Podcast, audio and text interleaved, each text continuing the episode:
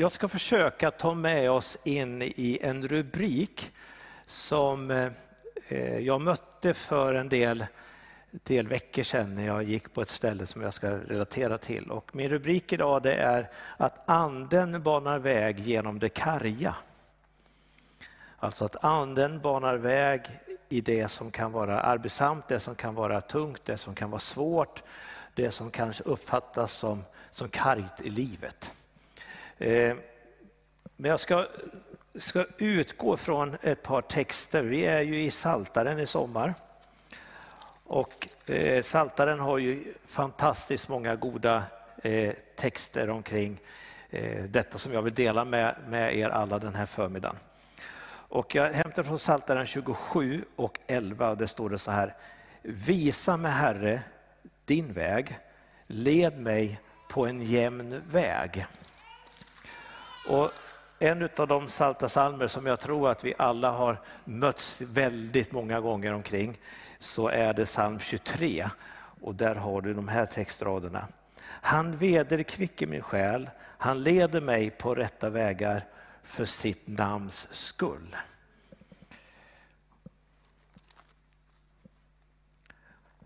Den här rubriken den, den, den kom till mig i, i, ett sammanhang där det var runt, runt pingst och därav anden.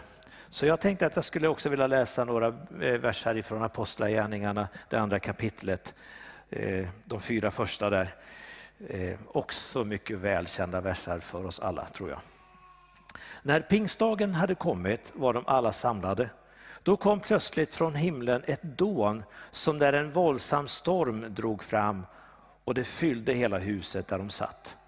Tungor som av eld visade sig för dem och fördelade sig och satte sig på var och en av dem. Och det uppfylldes alla av den heliga ande och började talas främmande språk allt eftersom anden ingav dem. Ska vi be tillsammans innan vi går in djupare i texterna.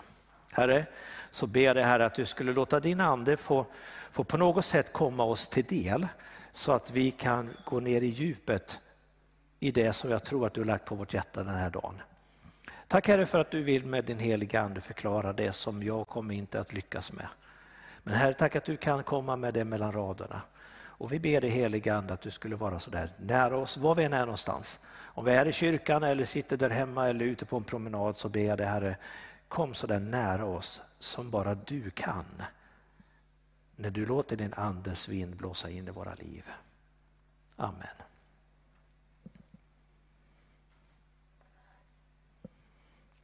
Som en, som en liten grund i det som, som jag vill dela med, med oss idag så skulle jag vilja ta oss på en vandring i, omkring vad den helige Ande är för någonting. Eh, när pingstdagen kom så fanns det ett väntande.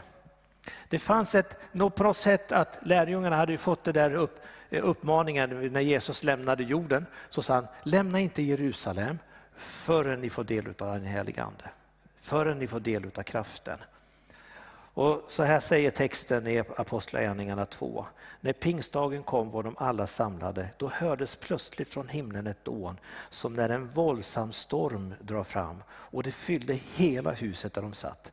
Tungor som av eld visade sig för dem och fördelade sig och satte sig på var och en av dem. Och alla uppfylldes av den heliga Ande och började tala främmande språk allt eftersom Anden ingav dem att tala.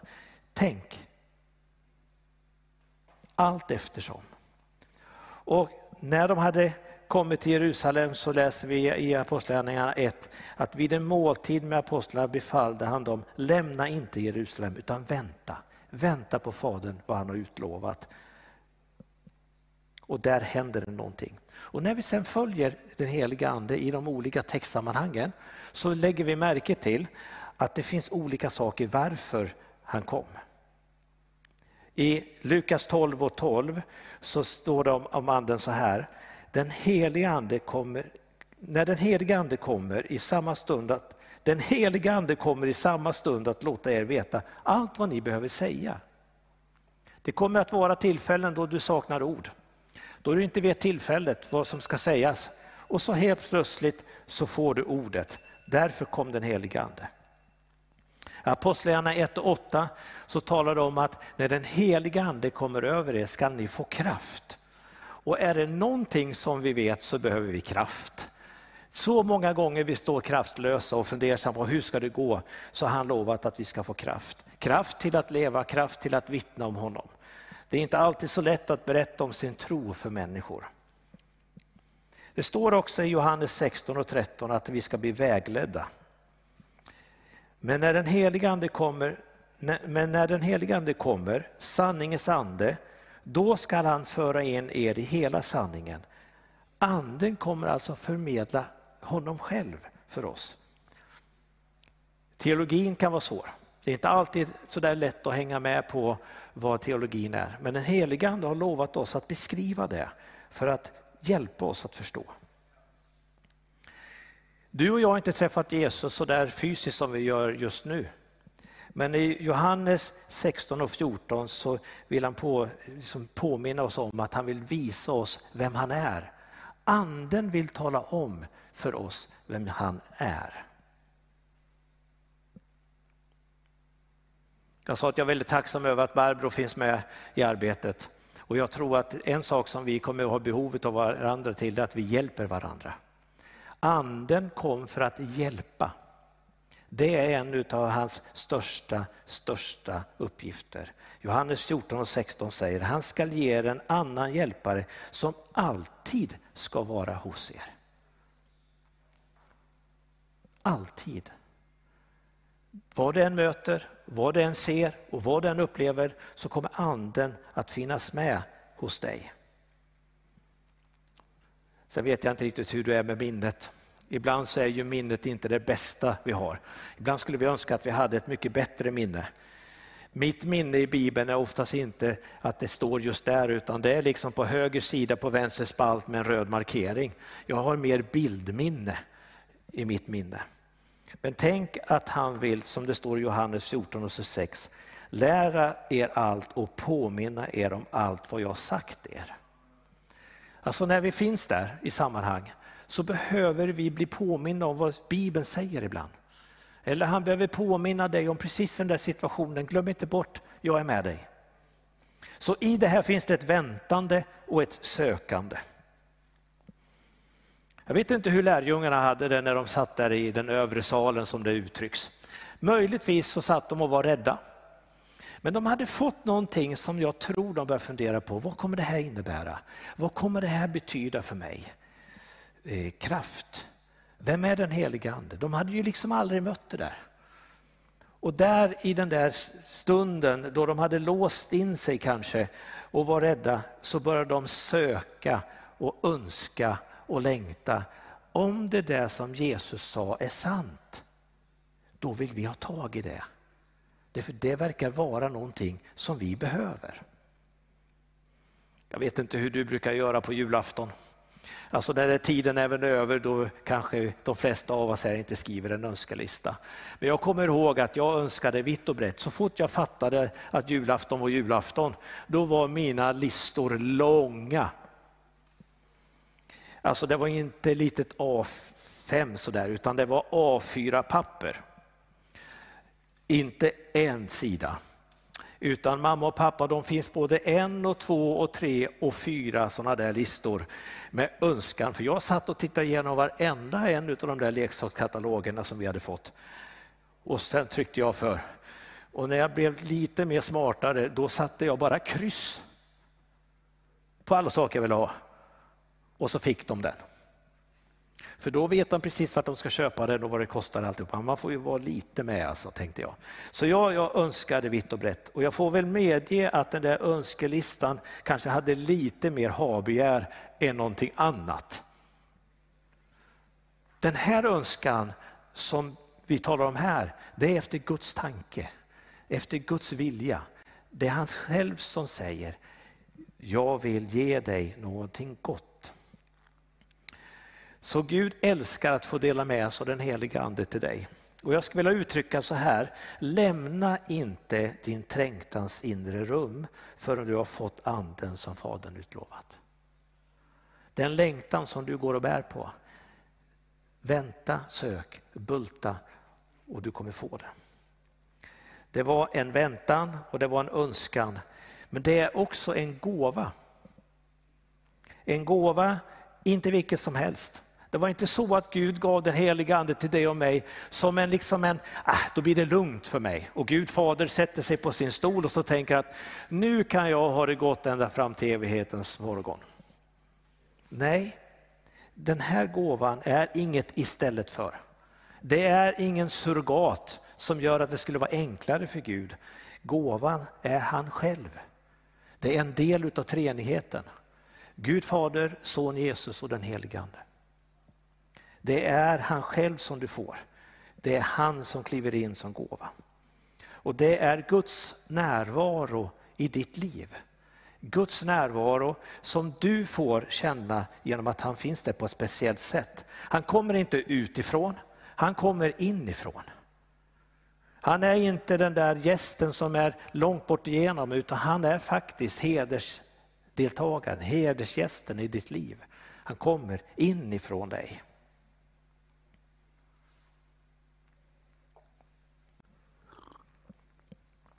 Jag har haft ett, en sån längtan över att upptäcka lite nya platser och det började bli lite extra lite sådär småpanik när jag började lägga, lägga märke till att mm, nu ska jag lämna Jönköpingsområdet snart.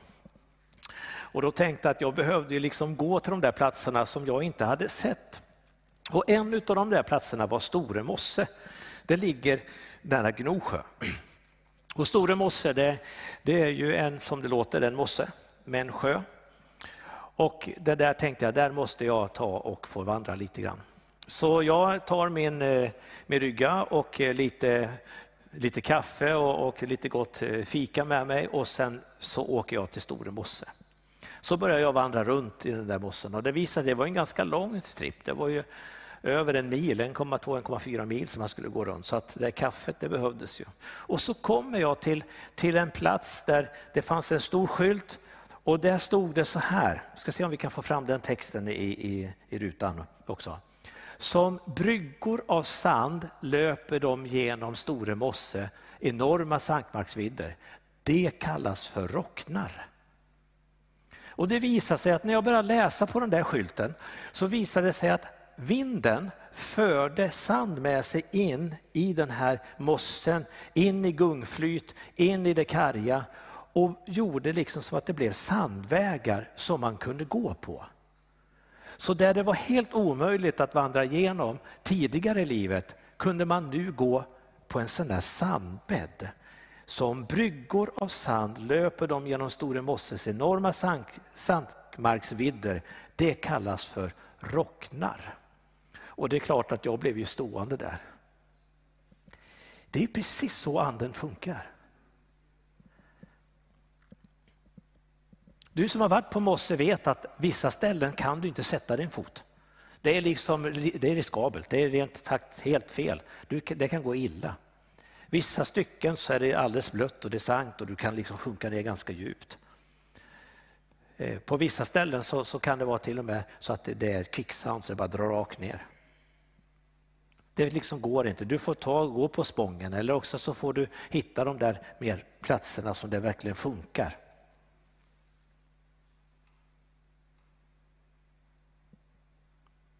Namnet rocknar liknar ju på något sätt eh, engelskans rockklippa. Nu haltar ju den här bilden lite grann. Men sanden som rocknarna bestod utav blev ju faktiskt fast mark som gjorde att man kunde börja gå genom den här mossen. Jag tänker mig, ni vet den här lilla sången som vi sjöng kanske med för Bygg inte hus på en sandig strand. Bygg inte hus på grus. Kanske verkar det okej, okay, men en dag du ångrar dig, du får bygga huset en gång till. Nej, den här lilla visen talar om att vi ska bygga huset på ett berg, på en stadig grund som inte rubbar sig.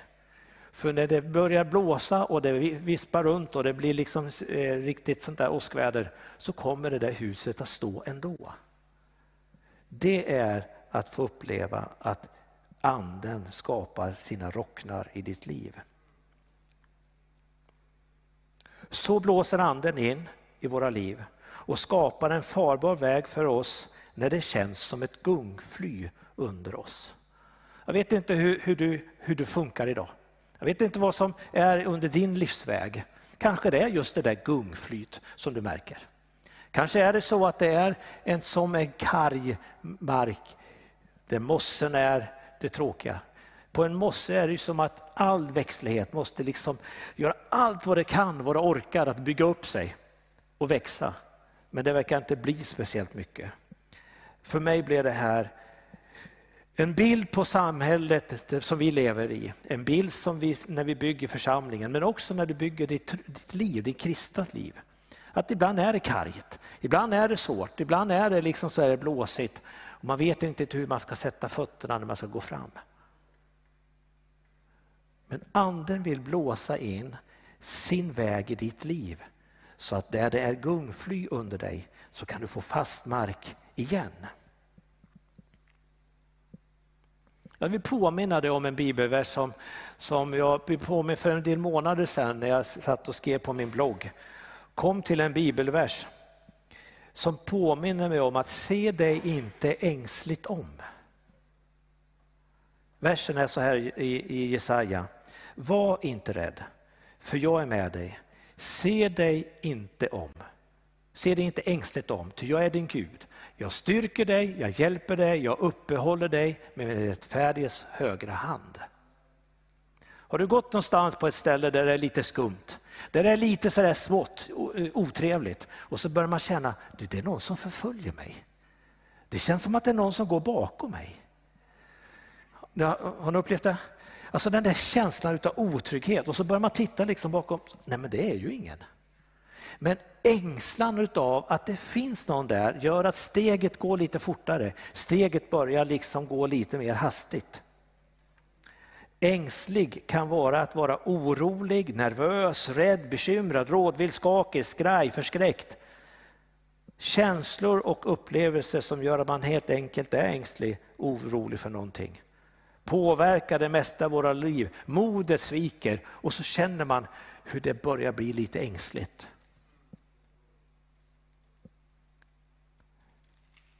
Att vara ängslig, det tror jag alla möter någonstans. Så be inte om ursäkt för att du är ängslig. Men jag skulle vilja påminna dig om att du har en som är mycket större i ditt liv. Livets resa kan ha satt sina spår. Sår som gör sig påminda. Man ser billigt talat om, ängsligt om hela tiden. Och ett titta över axeln-liv är ett arbetsamt liv. När man hela tiden måste slänga liksom och kolla bakåt, vad har jag bakom mig? Jag blir hela tiden orolig. Anden vill göra de där rocknarna i ditt liv så du slipper att vara ängslig och se dig om bakåt. Att inte förstå vägen framåt kan göra en rådvill. Det kan man bli nervös av. Man undrar, vart är jag på väg? Hur ska mitt liv se ut framöver? Vad händer med allt som sker runt omkring? Jag kanske har blivit arbetslös. Och så är vägen tillbaka till det där arbetet som man så gärna längtar efter. Och så undrar man, hur ska det bli? Att inte förstå vägen kan vara andra människors påverkan. Du har mött sånt som har sårat dig, som har gjort dig osäker och så börjar du bli ängslig i livet. I den här bibelversen så stod det att jag stöder dig med min rättfärdighets högra hand. Och när Bibeln talar om den högra handen så talar det om kraft. Det talar om en, en person som har någonting mer än... Alltså jag var ute och, och körde med Jesper här, i, för, tror jag var första dagen eller andra dagen. Och sånt där. Alltså det är så bra att ha med sig någon som är stark när en annan är rätt så vek. Och Jesper han, han liksom bara suger tag i grejerna och så sen är de inne i, i lastbilen. Gud talar om sin rättfärdighets högra hand som är kraft, som är styrka. Ängslan kan vi alla drabbas av. Skulle tro att du känner med mig och vet precis vad jag pratar om. Ängslig. Men glöm inte, Gud är större än din ängslans oro. Vad än din oro ligger, vad den än är orsakad av, så är Gud större än din ängslans oro. Den som tar så mycket kraft, den som tar så mycket fokus, den som gör att du tappar liksom blicken framåt. Får jag säga det igen? Gud är större än din ängslans oro. När jag gick där på den där store mosse så försökte jag läsa på hur det skulle vara. Jag skulle följa en röd markering. Och jag tänkte, hur svårt kan det vara? Det kan ju inte vara speciellt svårt. Jag behöver ingen karta, jag behöver ingenting, jag behöver bara följa den röda utmärkta leden. Det gick ju väldigt bra. Ända tills det fattades en röd markering. Alltså när man kommer till den stigen som liksom verkar dela på sig. Och, men vänta nu, vart är den röda markeringen? Hur ska jag gå? Jag och Andreas var uppe i Grövelsjön och, och gick i, där uppe ett, ett par, tre dygn. Och det var så mycket vatten så vi var tvungna att liksom gå uppströms för att leta efter ställe för att ta sig över det där breda vattendraget som gick. Och det gjorde att vi kom rätt bra långt utanför vår kartas rutt. Och när vi väl kom över så hade vi tydligen gått ganska långt upp. Men vi tänkte det här fixar ju vi, vi har ju karta. Så vi läste precis hur det var och vi tänkte ja men den, den sänkan däremellan, de bergen, där ska vi. Så då kommer vi ner till fjällstationen igen. Eh, det var fel berg. Det var berg lite längre norrut. Så att vi missade det ganska rejält. När vi väl kom över där så började vi kunna lokalisera oss igen. Men det visade sig att det blev en ganska lång omväg för oss om vi nu hade studerat den där kartan lite bättre. Jag tänker mig att livet behöver vara och ha en sån utmärkt led. Jag tänker mig att det är någonting som vi, anden kan, kan verkligen hjälpa oss med. Han vill bana den vägen så att du får den, den leden gående framför dig. Han är en mästare på att visa vägen. Alltså, det finns ingen bättre. Alltså en GPS kan lura en rätt så frisk när man sitter och åker bil. En karta som man vänder upp och ner kan också ha sina brister. När man inte är uppmärksam så finns det brister. Men det bästa med en GPS det är väl när man har kört lite fel och säger han bara ny rutt och så funkar anden. Den leder dig på rätt väg för sitt namns skull. Och kanske det är lite grann då den här härliga bibelversen vi fick i vår första bibel kanske.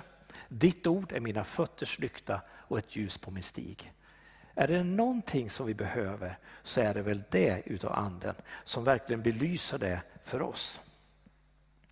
Därför tänker jag att det här med att vara ledd av anden och att han får blåsa sin väg in i våra liv är mycket, mycket mer än att det inte bara är ett råd utan det är en livsstil. Ibland har vi svårt att följa råd. Ibland har vi svårt att liksom tänka att ja, jag fixar det här själv.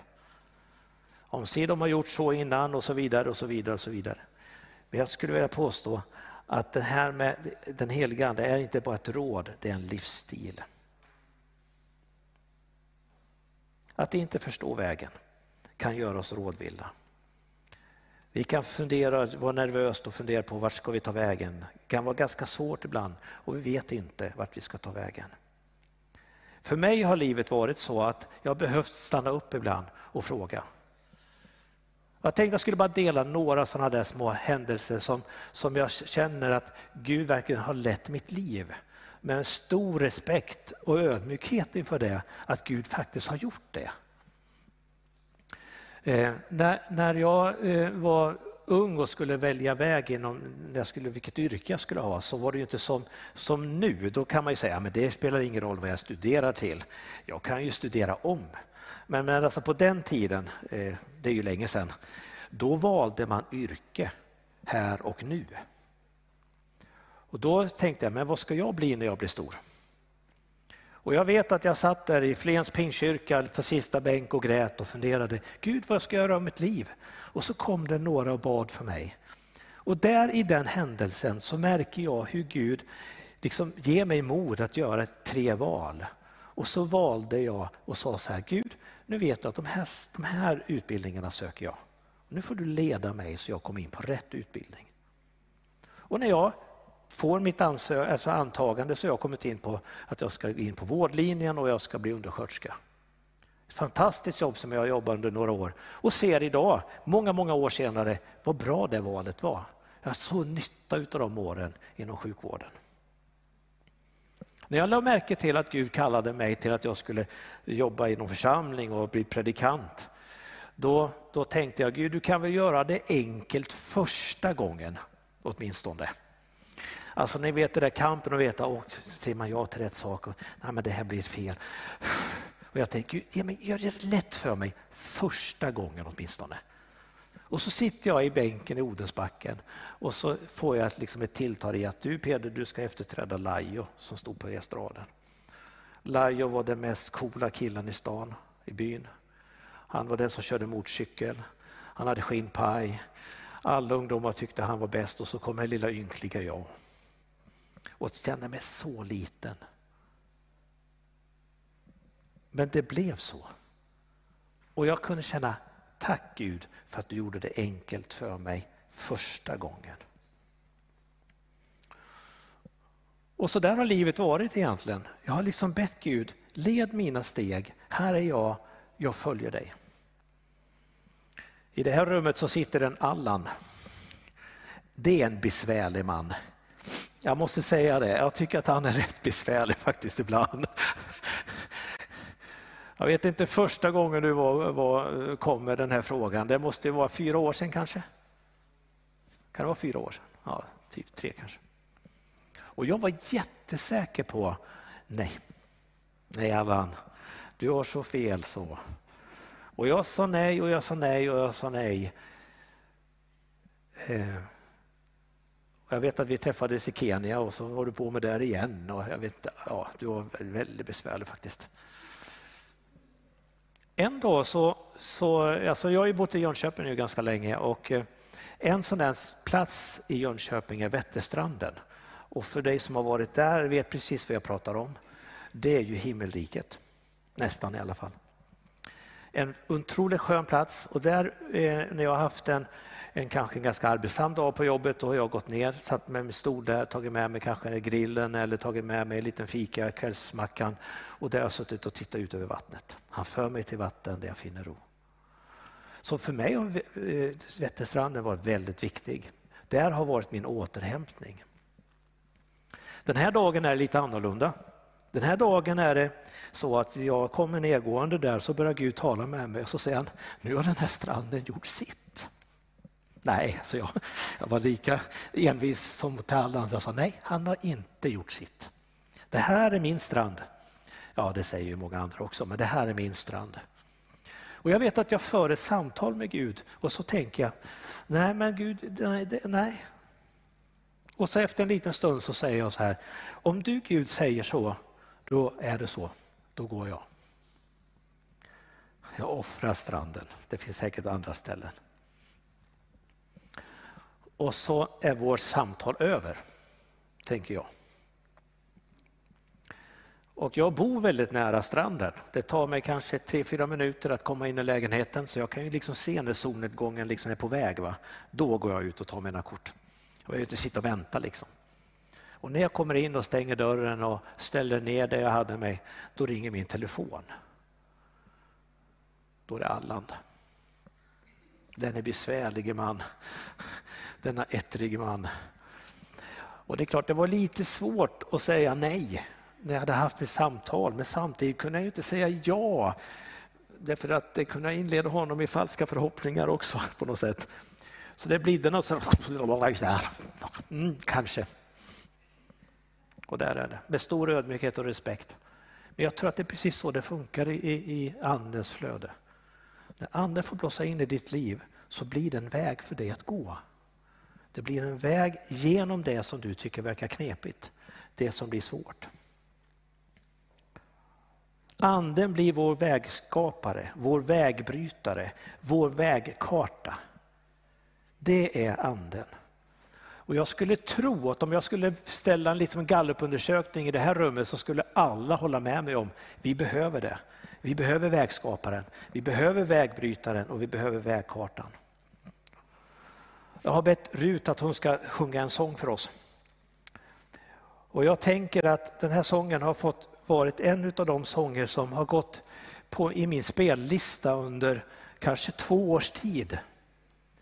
För jag tror att den har någonting i sig som har ett budskap till dig idag. Ett budskap som så heter, den är på engelska så jag tänkte att jag skulle vilja bara översätta själva refrängen. Innan vi sen går in och avslutar på predikan så får det här vara det inslaget i som Rud får hjälpa mig med. Den heter eh, God will make a way, alltså Gud vill göra, skapa en väg. Och så här ungefär kan man översätta det. Lyft upp ditt huvud. Bli uppmuntrad av Gud. Gud kommer alltid att göra en väg. Varje gång du känner dig avskräckt, lita på honom. Lägg din förtröstan på honom. Oavsett vad problemet är så kan han lösa det. Oavsett ditt behov är, kommer han att, som engelskan säger, supply. Alltså förse, bistå, förmedla, tillföra, fylla, täcka det som behövs. Lyft upp ditt huvud. Gud kommer alltid att göra en väg. Jag skulle bara vilja att du stannade upp en liten stund och försöker hänga med på den här sången. Därför att när du hamnar i det läget att ditt huvud är böjd, du kan inte riktigt se den där vägen hur du hade tänkt det. Du vet inte var du ska ta vägen någonstans. Och du går där bokstavligen, bildligt talat med ett sänkt huvud och du undrar, så ska jag vilja bara säga till dig, lyft upp ditt huvud. Bli uppmuntrad. Han vill skapa en väg för dig. Claes Wårstedt har skrivit en, en eh, sång som heter Du har, eh, du har mitt liv i din hand. Så här låter texten. Mitt liv vilar i dina händer och hur det än tar jag en dag i sänder. Jag tror, jag hoppas, jag litar på dig. Jag vet att du älskar mig. Vi kan inget veta om imorgon, men vi får lita på ditt ord, på alla löften du ger, att du hör min bön. Du har mitt liv i din hand. Ur djupen vill du visa mig en väg. Lyft mig upp, föra mig fram och jag får gå på den bro som bär från tvivel till tro. Och jag tänker att när vi nu går i, i avslut och ska be tillsammans så tänker jag mig att han gör detta för sitt namns skull. Han gör det här för din skull. Han har tänkt någonting större. Han vill skapa en rock, en rocken, rocknar för dig. Att en väg genom, genom det som du går igenom. Det är vad jag vill förmedla till dig idag. Att genom det karga så finns det en väg. Där ditt tvivel är kan det finnas en bro över till tro. Och Jag tänker att vi ska be tillsammans nu. Och Skulle du uppfatta det som att du behöver nu ett vidrörande av anden, där han bara får komma och blåsa in dig i ditt liv. Du har det där gungflyt inom dig som du känner, det håller inte. Nu kan han få låta få skapa den vägen i ditt liv. Just nu ska vi be tillsammans. Herre, Herre, du ser den person som idag har ett gungfly under sig. Som undrar vart liksom det där ska vara, vad vägen är och vad du har tänkt. Herre, jag ber dig att du skulle börja blåsa in med den helige Ande så att det får bli en väg för människor. Herre, som inte är som att tro att det ska liksom bara brista in under utan att det ska få bli en fast klippa att gå på. Och vi ber dig Herre, blås in det i deras liv. Herre, tack att du vill lyfta upp blicken och låta Herre det bli någonting stort av detta Herre. Lyft upp blicken. Uppmuntra Herre. Tack att du kommer att skapa en väg där det idag är gungfly. Herre, tack att du finns för varje människa. Amen.